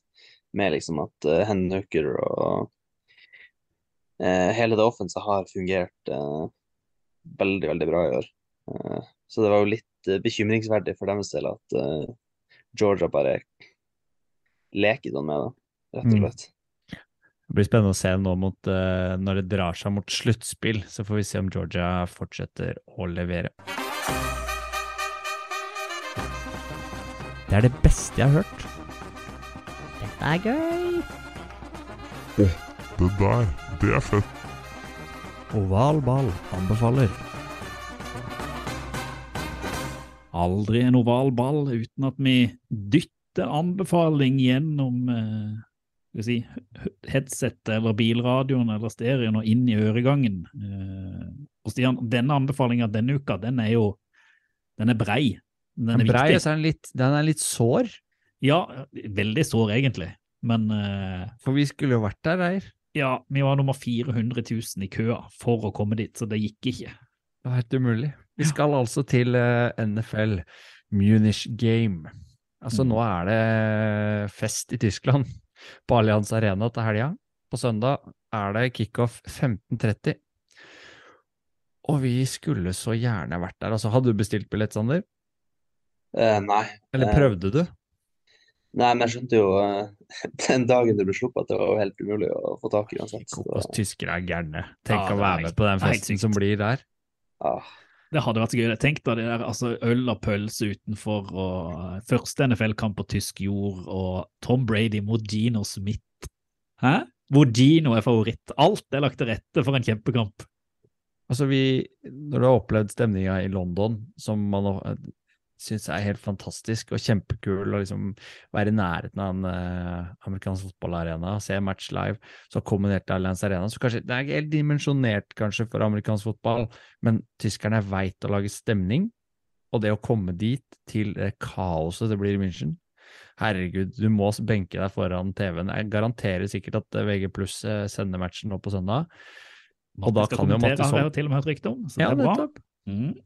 Så da kan du se den enten med norsk kommentator, eller så kan du jo se den på, på GamePass hvis den funker. Men kampen bør du få med deg. 15.30 altså, på søndag. Nei, hva skal du se på? Hva skal du se på? Rundens utvalgte. Vi vil ikke slippe deg helt eh, enda, Sander. Vi trenger selvfølgelig hjelp eh, til å få folket til å velge hva de skal se kommende runde. Nå er jo kampen mellom Seahawks og Buccaneers selvsagt i München, men det er jo flere godbiter å plukke. Har du valgt deg ut noe fiffig? Ja, når man ser, eh, ser uh, schedulen, så er det jo én kamp som stikker seg veldig ut. Og det er jo en som skal spilles i eh, Den kampen som faktisk spilles i New York, da. Eh, Mm. Vikings mot eh, Bills. Mm. Kanskje vi får et revansjelysten Bills etter tap mot Jets, og et Viking som blir sett på litt som som en liten fraud, hvis jeg kan si det, med 7-1-record som har kommet litt overraskende på, kan man si. Jeg tenker at det er litt De har hatt litt flyt. Det er ikke helt eh, De gjenspeiler ikke helt hva de har prestert på banen, egentlig. Nei, det føles ikke sånn i hvert fall. Når man ser dem spille, så Lugger liksom hver runde. Ja, de måtte jo helt inn i uh, siste sekund der omtrent mot uh, Commanders, så veldig spent på hva, hva som blir tilfellet på søndag mot uh, et lag som er bare helt sykt mye bedre enn uh, Commanders-laget. Ja, Det er statement game egentlig for begge to, for Bills må jo snu det nå etter de tapte mot Jets og de spiller hjemme, og så møter de jo et Vikings-lag som, som du sier, er 7-1, og som eh, kan nå egentlig enten bekrefte at de er en fraud, eller bekrefte at de er et topplag. altså litt sånn. Ja, det er litt enten altså hvis de, hvis de reiser til uh, The Bills og bare blir sendt rett hjem igjen med en, en stygg score, og så er det jo liksom Da er de litt avslørt, på en måte. Mm. Mens Jeg håper eh, litt det. jeg vet ikke, jeg syns det er litt gøy òg hvis Bills uh, ender opp med å liksom ha sikla på den first-siden i AFC og ender opp med å kanskje ikke vinne divisjonen sin engang fordi at eh, New York Jets tok rotta på dem. Men nei, det blir veldig spennende å følge med på. Tenk å møte revansjelisten Josh Allen. Uff a meg. Ja, men det er jo albuen hans, da. For å se om han, det kan være at han ikke er i form, og da plutselig er jo Bills eh, litt ute å kjøre. Det er jo spennende. Ja, hvis uh, det run defense til Bill skal spille som de gjorde mot, uh, mot Jet, så kommer jo Delvin Cook da en kjempe, kjempedag på jobben. Så Mm. Pip åpent. Hva vil du se, Reier? Nei, altså, jeg hadde jo egentlig blinka meg ut en seinkamp, eh, fordi at eh, jeg syns det er litt gøy å se Aaron Rogers lide. Eh, men eh, de skal, Packers skal da møte Cowboys. Men så la jeg merke til, og så har vi jo egentlig blitt enige om Vi har egentlig vi har én ny helt denne, denne sesongen i oval ball, det er Justin Fields. Og så har vi hatt helt liksom- ikke. Nei, men han har på en måte vært vår mann, og endelig så har han liksom eh, kommet ut i full blomst. Og så har vi jo vært, altså i hvert fall med, jeg har vært veldig glad i Lions hele, hele sesongen. Og så er det òg litt fordi at i fjor var det vel Thanksgiving-kamp, hvor vi så den på ball sammen, alle oss tre. Jeg kom litt seint. Og vi var litt sånn bitre for at Thanksgiving hadde da gitt oss den kjipeste kampen i manns minne, Lions mot Bears. Og det er derfor jeg egentlig velger den denne runda her, fordi at plutselig så ser Lions mot Bears denne sesongen ut, sesongen ut som en ganske artig kamp. Eh, et Lions offensiv som kan levere bra, et Lions defensiv man er kjempeusikker på, et Bears-forsvar som er gode, men som kanskje ikke står opp mot det offensive til Lions, og så en Justin Fields offensivt, som nå møter et forsvar som har vist at de egentlig ikke er så veldig gode annet enn kampen mot Packers. Det er masse, masse, masse spørsmål her. Det er jo en divisjonskamp, eh, og det er en tidlig kamp. Eh, og derfor så velger jeg rett og slett den ut til folket. Jeg tror det kommer til å bli kjempegøy å følge med på. Eh, jeg håper at ikke det blir en sånn 9-9-kamp, men at det heller blir en 32-32-kamp, eh, sånn som de to lagene har vist seg eh, i det siste. Skade på Fields etter tre minutter. nei, nei, nei. Eh, nei, nei. det, det kan vi Det kan vi ikke. han Det kan vi ikke. Nei, Ja. gud, forby. Det er greit. Men uh, da skal jeg også holde meg til en divisjonsmatch.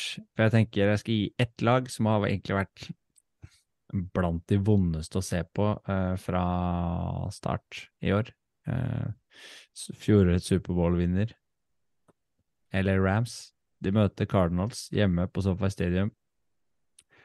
Jeg tenker jo at eh, Rams-laget har jo så ekstremt mye å bevise, og gjør det ikke til helgen, da kommer de ikke til å gjøre det. Da er sesongen helt ødelagt. Og Ja, da er de ferdig. da skal jeg gi de, jeg skal gi de en, en sjanse til, for jeg syns det har vært vondt å se de, de Rams-kampene som jeg har vært innom til nå, eh, inkludert eh, de siste. Og De kan ikke få et bedre lag å møte enn Cardinals heller. møte Cardinals som har receivere som har negativ yards etter kampslutt. Da tenker jeg det er muligheter for både Aaron Donald å levere, Matthew Stafford burde, burde få gode muligheter, og eh, jeg tror Jenny Ramsey var ganske forbanna etter kampen nå og sa vel at eh, det var helt unødvendig at de hadde trengt å være så mye på banen som de var som forsvar. Ja, for dere hørte det intervjuet med han etterpå? Han var forbanna. Det var Ja, det var krast. Så får vi se hvordan det spiller ut i, i garderoben, da. For enten så kommer det kanskje til å splitte det laget i to. At det faktisk blir så dårlig stemning at det er umulig å snu det. Eller så går de revansjelystne på banen og egentlig feier det Cardinals-laget av banen. Og så er det alltid kult å se på Kyler Murray. Ja. Og D-Hop og gjengen. Så den Jeg, jeg gir dem en sjanse. Spennende pick. Sander, og så tenkte vi, siden du er på besøk da, og egentlig er en sånn upgrade fra, fra Kenneth, så hvis definitivt. Kenneth da mot, mot Ikke egentlig, han er Nei, han er jo det. Altså, jeg prøvde bare å være litt sånn hyggelig med Kenneth. hvis han hører Mm. på oss da. Hvorfor det? Eh, hvis Han han, da har strøm neste, neste uke, eh, og har tid, kommer jo aldri til å skje, så vil vi gjerne at du skal velge ut en kamp som han skal se, sånn at han iallfall beit eh, Han får litt lekser, eh, forhåpentligvis kan stille forberedt som han skal gjøre. Eh, kommer ikke til å skje det heller. Eh, Men hva, når du tenker på, eh, på mannen i Grimstad, hva syns du han skal sette seg ned og se uh, i week 10? Nei, nå valgte jo Nå valgte jo Stian en kamp der jeg tenker at taperen er Da kan vi bare Pakke sammen. si at den, ja, si at den sesongen er over for, for enten Cardinals eller Rams denne uka. Mm. Mens uh, i Cowboys mot Packers så er det jo ett lag som virkelig spiller for at den sesongen skal sk- skal kunne holdes, eh, holdes gående. Og hvis, hvis Cowboys slår eh, Packers der, så tenker jeg at eh, da er det bare å benke Rogers ut sesongen og få se hva Jordan Love har å, har å gi oss. At, hørte du og intervjuet med, med Rogers etter matchen der? nå som var? At han snakka om at nei, da måtte han levere på andre måter enn med armen, for da måtte han løpe og scramble og sånn. Ja, ja, det var det han sa denne helga. Han, han er så virkelighetsfjern og så ute av det at de lagkameratene hans må hate han. Ja, nei, jeg skjønner ikke hva som var Jeg hadde så sansen for Rogers, Rodgers, men han, er, han virker så usymp usympatisk, rett og slett. Jeg syns han mista det totalt på to år. Av covid. Det er jo ikke så mye å forvente av en som ikke stoler helt på vaksine og Han mista han det i løpet av covid, tror du? At han fikk for Ja, ja. mye innetid? Det, ble, det var et eller annet som skjedde der. Og så var det Jeopardy, og så bare alt bare krasja foran, tror jeg. Jeg lurer på hvordan det, hvordan det apparatet rundt han fungerer, for han må jo på en måte få noe Voksenhjelp. Ja, han burde ha voksenhjelp, burde hatt, eh, burde hatt eh, tett oppfølging av eh, I, sk I skolen så ville vi sagt at han måtte hatt IOP. Så dere som Ja, det- kjenner det begrepet men kan, kan det være at han bare har, har, har feika det fram til han fikk denne kontrakten sin, og nå har han bare let i dollar, out? For nå, nå, nå har ikke han noe å tape lenger. Han er jo en eh, Han virker jo som en ekstremt eh, intelligent eh, type, men om han bare etter de to MVP-ene har innsett at han Det er ikke det her han blir huska for uansett, så da kan han bare Sier jo grensa mellom geni og idiot, den er ganske syltynn. Ja, han Ja, han har nok trampa ganske hardt over den grensa, men ja, Han det er fascinerende. fascinerende bikka for lenge han, siden. Jeg, Men jeg syns du du var snill, med Kenneth, iallfall. Han får jo en kamp som er spennende. Jeg tror Cowboys vinner. Mm. Packers har Altså, hvis det er en måte Packers skulle slått Cowboys på, så er det jo å løpe på dem, men eh, det har de ikke klart mot uh, Aaron Jones ute. noen lag.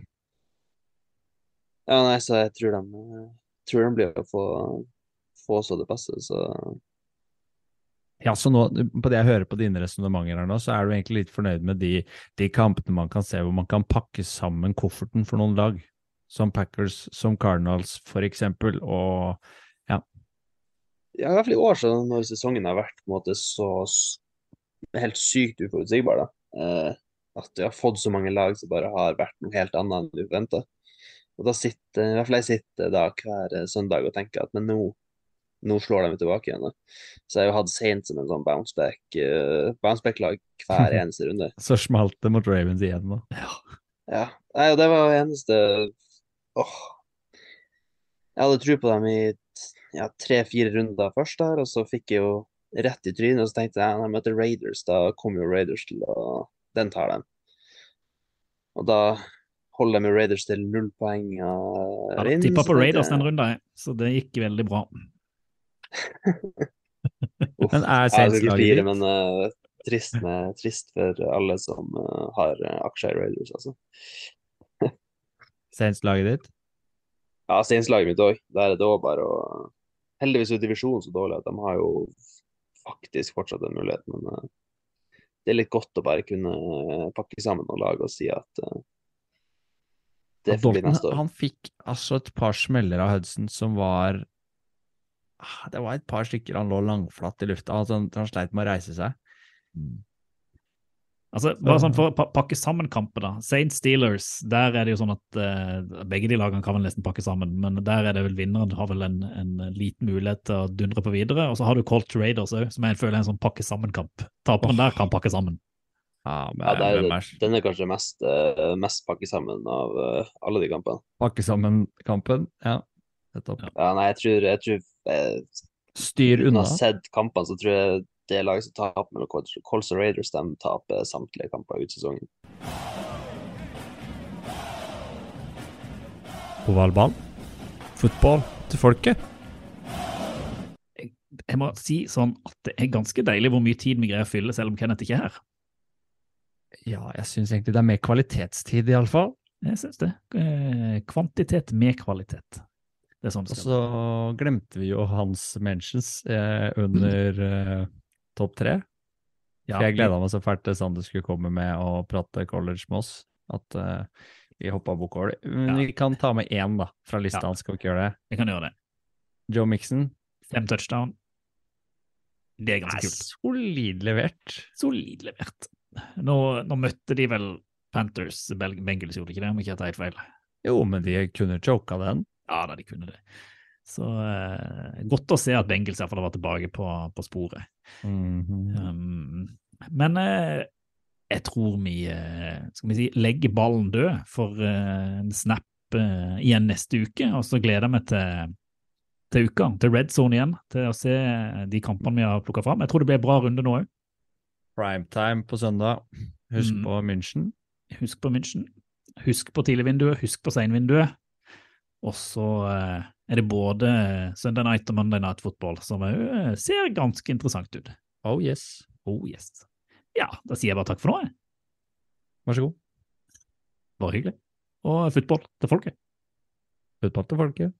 Do the Titans have a miracle left in them in what has been a magical season to this point? If they do, they need it now. Christie kicks it high and short. Going to be fielded by Lorenzo Neal at the 25. Yeah, give it it, back to Wycheck. He throws it across the field to Dyson. He's got something. 30, He's got something. 50. He's got it. 40, He's got it. 20, 10. He's got it. End zone. Touchdown Titans. There are no flags on the field. It's a miracle. Tennessee has pulled a miracle. Nå skal du få høre lyden av Ola fra Lillehammer som spiser en middag med kyllingfilet. Mm, det var veldig godt. Mm.